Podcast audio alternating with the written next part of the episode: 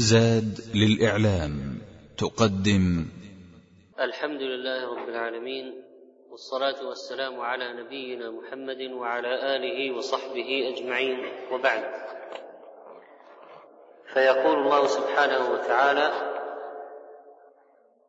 في قصة من قصص الكتاب العزيز وإذ أوحيت إلى الحواريين أن آمنوا بي وبرسولي قالوا آمنا واشهد بأننا مسلمون.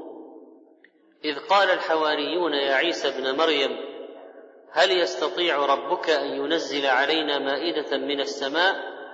قال اتقوا الله إن كنتم مؤمنين. قالوا نريد أن نأكل منها وتطمئن قلوبنا ونعلم أن قد صدقتنا ونكون عليها من الشاهدين.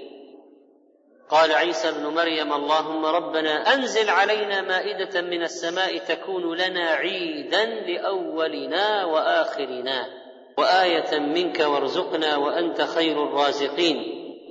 قال الله إني منزلها عليكم فمن يكفر بعد منكم فإني أعذبه عذابا لا أعذبه احدا من العالمين. هذه قصة المائدة التي تنسب إليها سورة المائدة. وهي مما امتن الله به على عبده ورسوله عيسى لما أجاب دعاءه بنزولها. فأنزلها الله آية باهرة وحجة قاطعة. وذكر بعض الأئمة أن قصة المائدة ليست موجودة في الإنجيل وأن النصارى لم يعرفوها إلا من المسلمين. والله أعلم. وقوله وإذ أوحيت إلى الحواريين أي ألهمتهم. أو أوحيت إليهم على لسان عيسى ابن مريم عليه السلام. قالوا آمنا واشهد بأننا مسلمون. ما هو الإسلام هذا؟ وما معنى قول الله سبحانه وتعالى وقال موسى يا قوم إن كنتم آمنتم بالله فعليه توكلوا إن كنتم مسلمين. وما معنى قول الله سبحانه وتعالى يحكم بها النبيون الذين أسلموا؟ وما معنى قول بلقيس رب إني ظلمت نفسي وأسلمت مع سليمان لله رب العالمين؟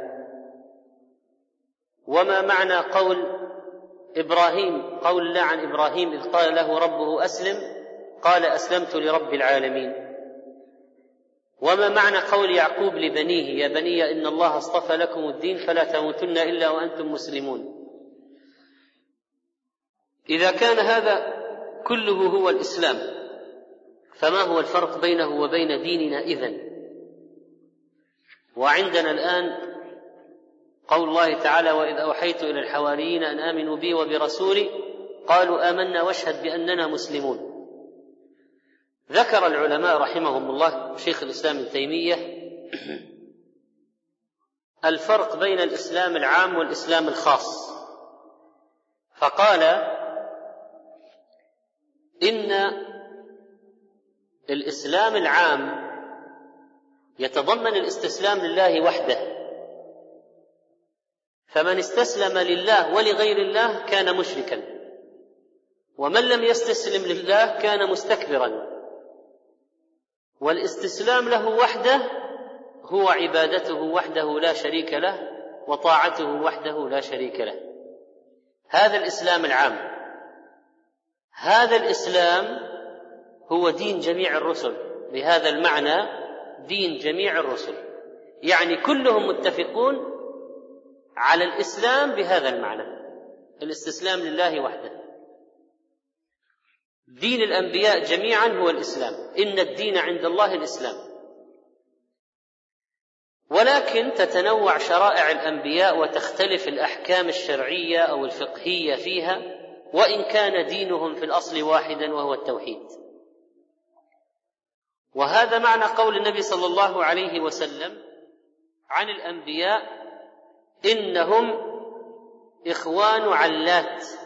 قال إنا معاشر الأنبياء ديننا واحد والأنبياء إخوة لعلات وأنا أولى الناس بابن مريم لأنه ليس بيني وبينه نبي. فما معنى إخوة لعلات؟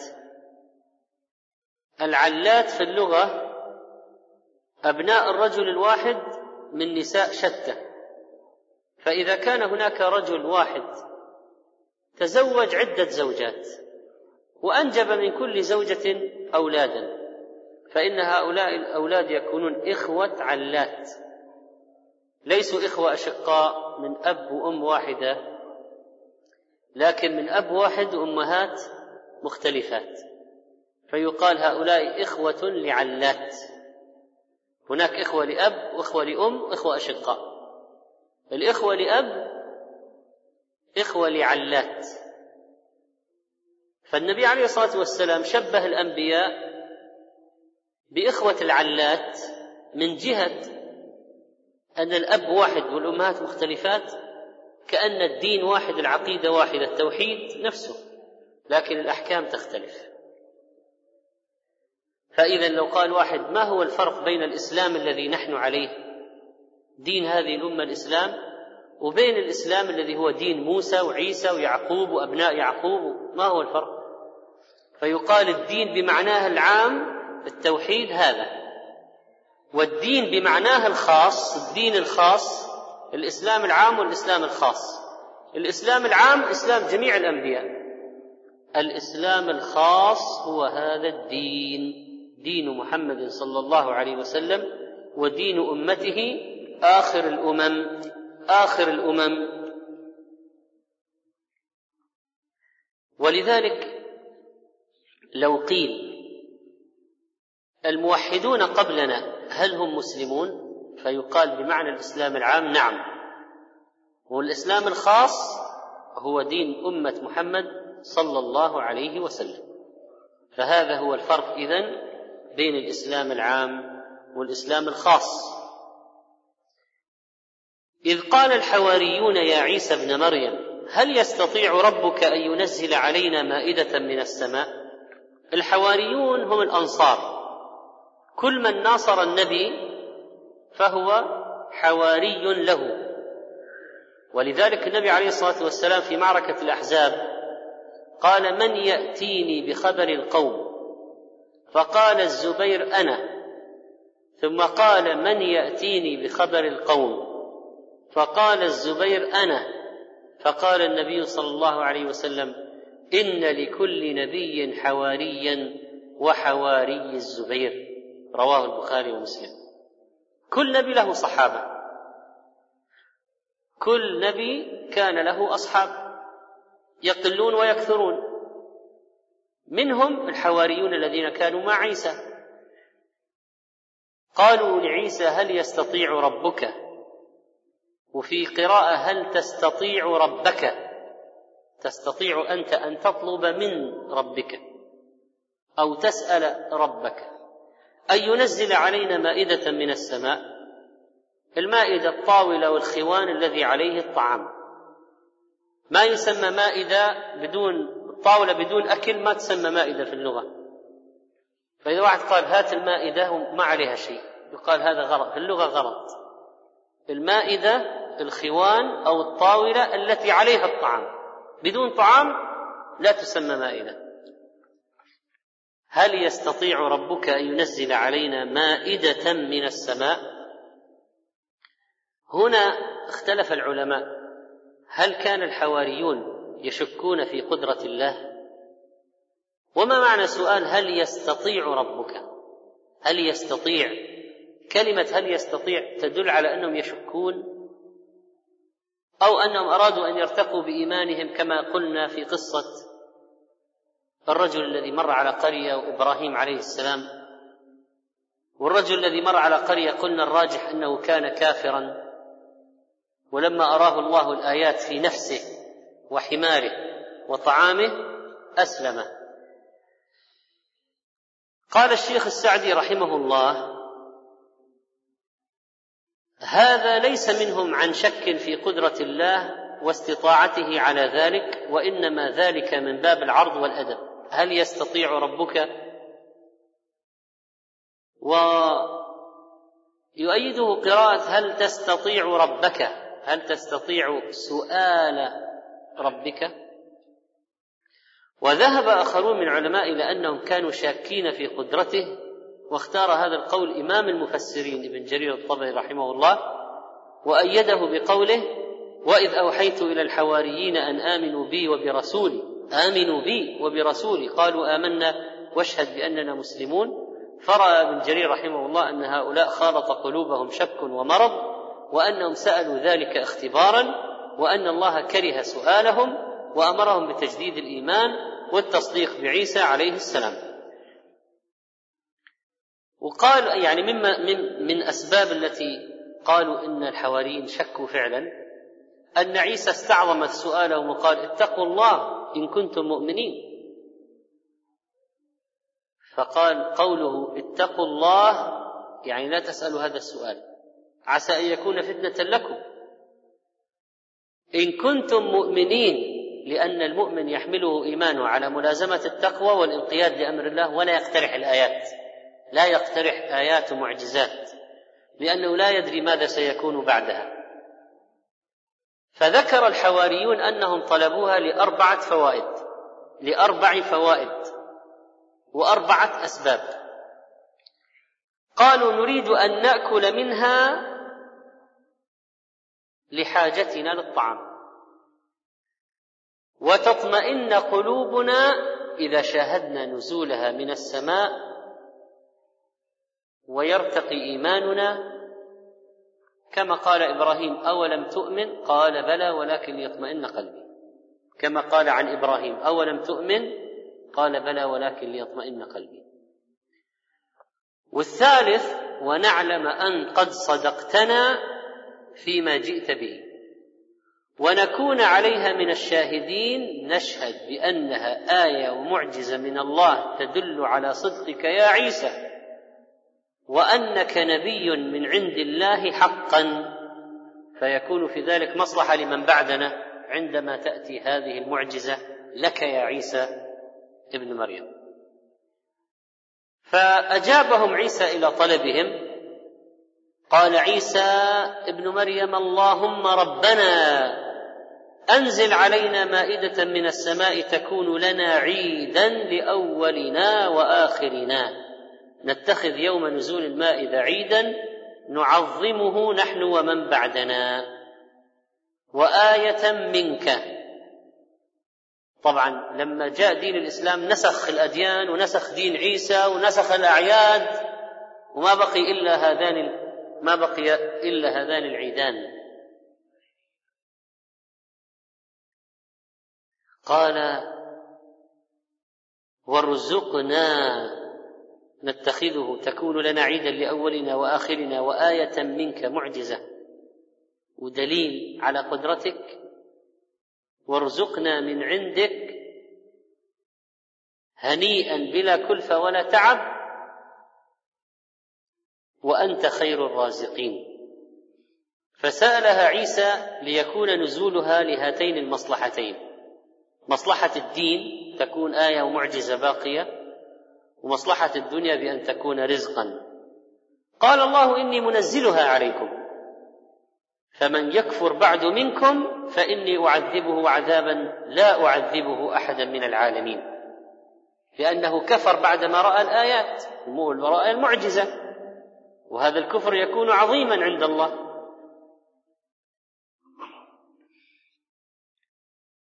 ولذلك جاء عن عبد الله بن عمر أنه قال إن أشد الناس عذابا يوم القيامة ثلاثة المنافقون ومن كفر من أصحاب المائدة وفرعون وآل فرعون.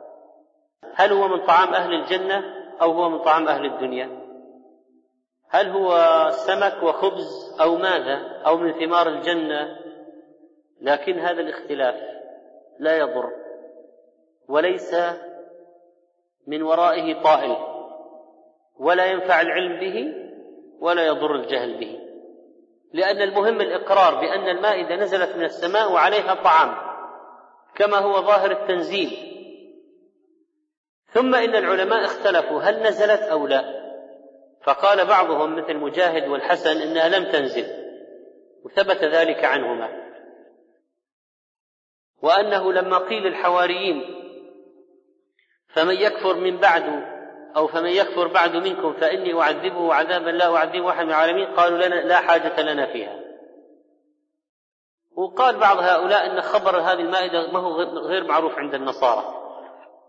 لكن جمهور المفسرين قالوا إن المائدة نزلت. واختاره ابن جرير وابن كثير والقرطبي وغيرهم من العلماء وذكروا آثار عن السلف أنها نزلت فعلا. نزلت على بني إسرائيل أيام عيسى وقالوا هذا ظاهر القرآن العزيز قال الله إني منزلها عليكم.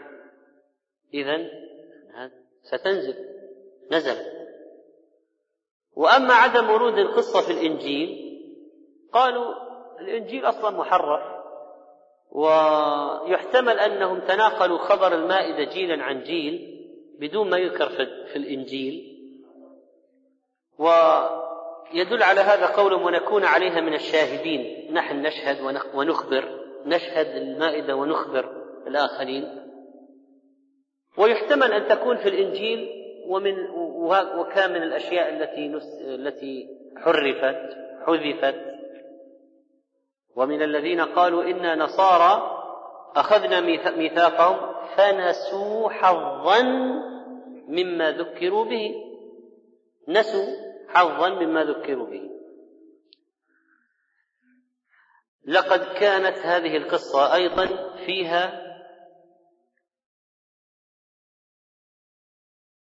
ميزة لصحابة نبينا إذا ما قرنا أصحاب نبينا بهؤلاء فإنهم لم يكونوا يطلبون الآيات والمعجزات يعني بنو إسرائيل سألوا موسى آيات ومعجزات والحواريون أصحاب عيسى سألوا آيات ومعجزات لكن أصحاب نبينا صلى الله عليه وسلم ما كانوا يسألون ذلك لإيمان قلوبهم واطمئنان نفوسهم وتصديقهم بنبيهم فلا يحتاجون إلى آيات. وقد روى الإمام أحمد عن ابن عباس قال قالت قريش للنبي صلى الله عليه وسلم ادع لنا ربك أن يجعل لنا الصفا ذهبا ونؤمن بك. قال وتفعلون؟ لكن طبعا هؤلاء كفار. قالوا نعم فدعا فأتاه جبريل فقال إن ربك يقرأ عليك السلام ويقول لك إن شئت أصبح لهم الصفا ذهبا فمن كفر منهم بعد ذلك عذبته عذابا لا أعذبه أحدا من العالمين. وإن شئت فتحت لهم باب التوبة والرحمة. قال بل باب التوبة والرحمة. كذلك يظهر أدب أصحاب نبينا صلى الله عليه وسلم معه أنهم ما كانوا يقولون يا محمد أو يا محمد بن عبد الله وإنما كانوا ينادونه يا نبي الله يا رسول الله.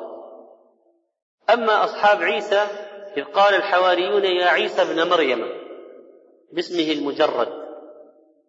وقد أدب الله أصحاب نبينا فقال لهم لا تجعلوا دعاء الرسول بينكم كدعاء بعضكم بعضا لا تقولوا يا محمد باسمه مثل ما تنادون أي واحد منكم قولوا يا نبي الله يا رسول الله.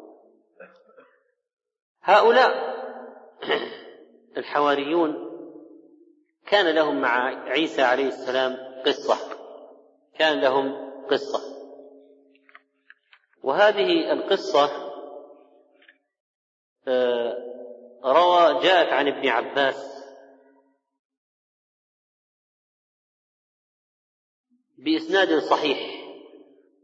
لما أراد الله أن يرفع عيسى إلى السماء خرج عيسى على أصحابه وفي البيت اثني عشر رجلا من الحواريين.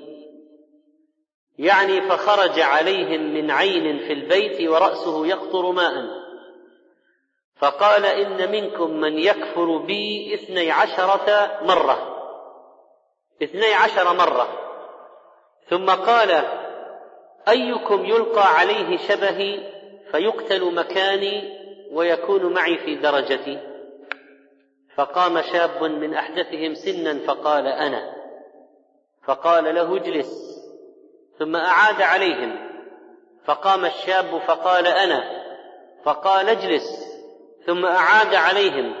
فقام الشاب فقال أنا. فقال أنت هو ذاك. فألقي عليه شبه عيسى. ورفع عيسى من روزنة في البيت إلى السماء.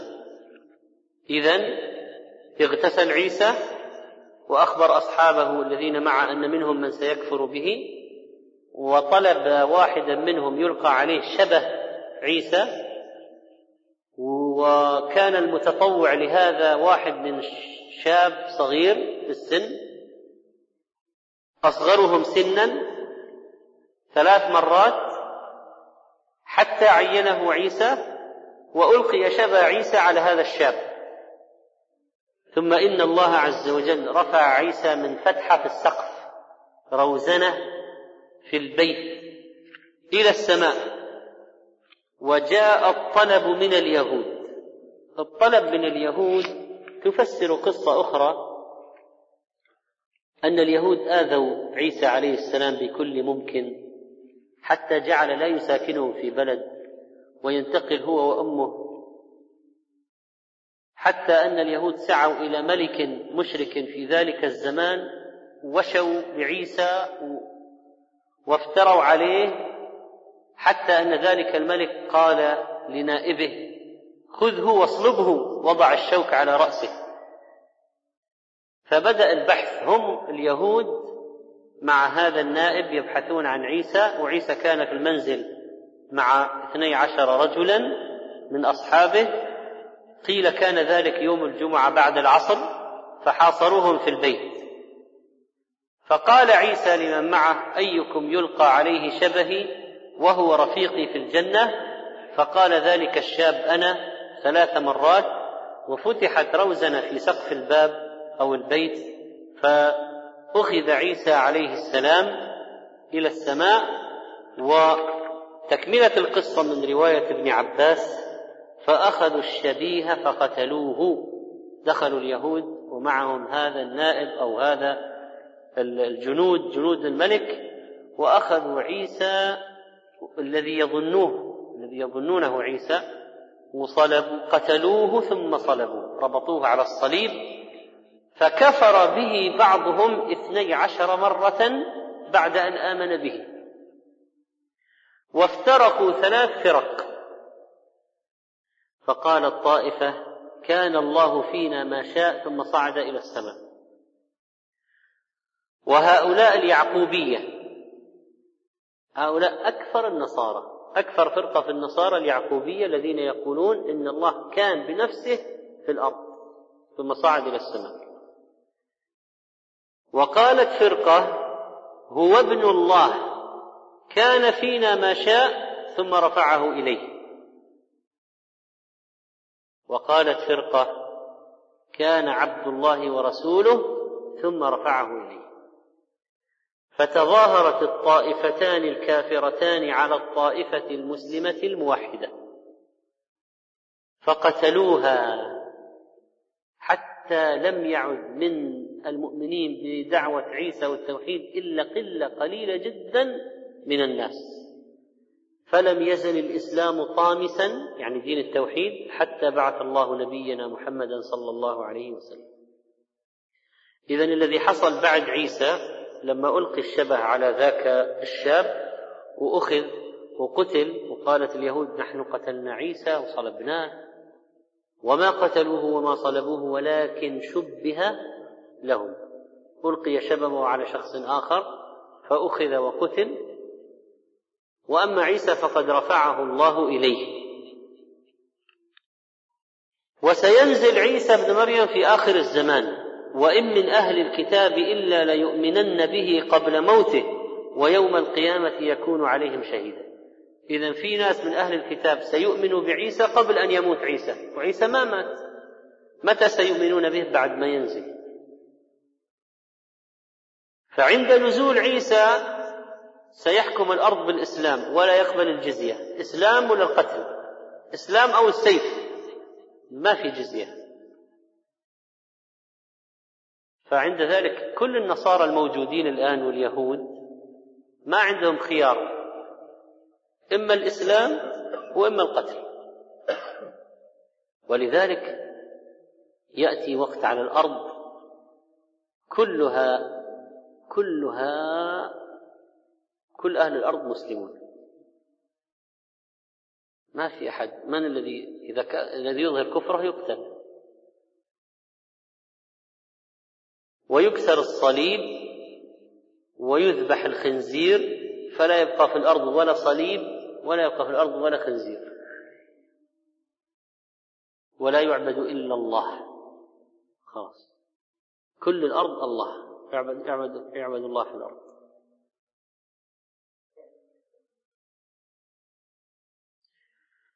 وعند ذلك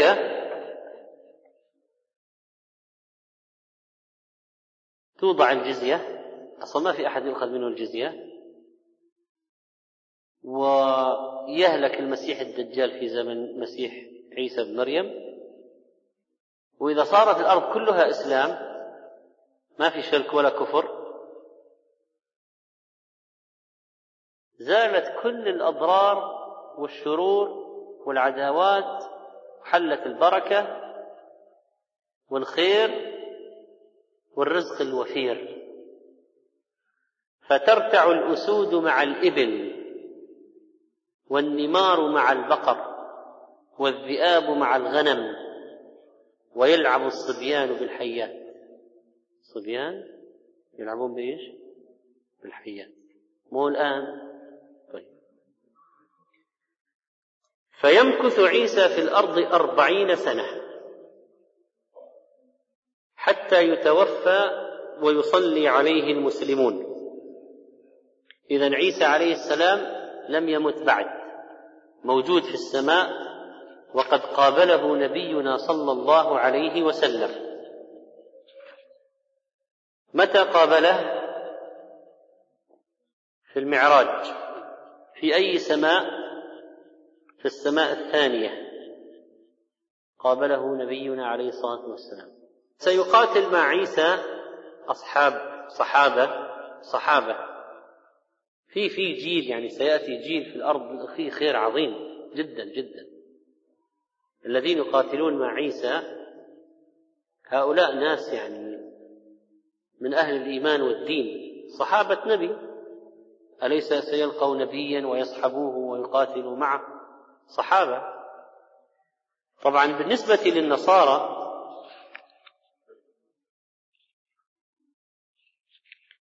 ظنوا أن نزوله ومجيئه مرة أخرى إنما يكون يوم القيامة. فغلطوا في مجيئه الثاني كما غلطوا في مجيئه الأول حيث ظنوا أنه الله أو ابن الله. اليهود أنكروا مجيئه الأول وظنوا أنه غير المبشر به وصاروا ينتظرون غيره وإنما بعث إليهم اولا فكذبوه. فجاء القرآن فجاء القرآن بالحق من أمره وأنه باق حيا في السماء عليه السلام وأنه سينزل إلى الأرض قبل يوم القيامة ليكذب هؤلاء وهؤلاء من اليهود والنصارى الذين تباينت أقوالهم. وخرجوا عن الحق. فاليهود ينتقصون عيسى ويرمونه بالعظائم والنصارى يطرونه ويرفعونه فوق منزلته. فادعوا فادعوا له الربوبية تعالى الله عن قولهم علوا كبيرا. والنصارى لما لم يؤمنوا بنزوله قبل يوم القيامة لم ينفصلوا عن شبهة اليهود المأخوذة من نعت زمان المسيح المذكور في التوراة. والمسلمون واليهود والنصارى يقول ابن تيمية متفقون على أن الأنبياء أنذرت بالمسيح الدجال. يعني لها الخبر المسيح الدجال موجود عند اليهود والنصارى كما عند المسلمين. ومتفقون اليهود والنصارى والمسلمون على أن مسيح الضلالة له آيات وعلى أن مسيح الهدى سيأتي أيضا. كل الثلاثه متفقون أن مسيح الهدى سيأتي أيضا. والنصارى متفقون على أنه عيسى واليهود تنكر ذلك مع إقرارهم أنه من ولد داود قالوا لأنه تؤمن به الأمم كلها.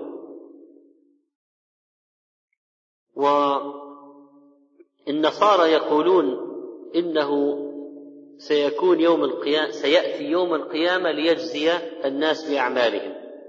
أما المسلمون فيؤمنون بما أخبرت به الأنبياء على وجهه دون تحريف ولا تبديل ونزوله سيكون في آخر الزمان وإن من أهل الكتاب إلا ليؤمنن به قبل موته ويوم القيامة يكون عليهم شهيدا.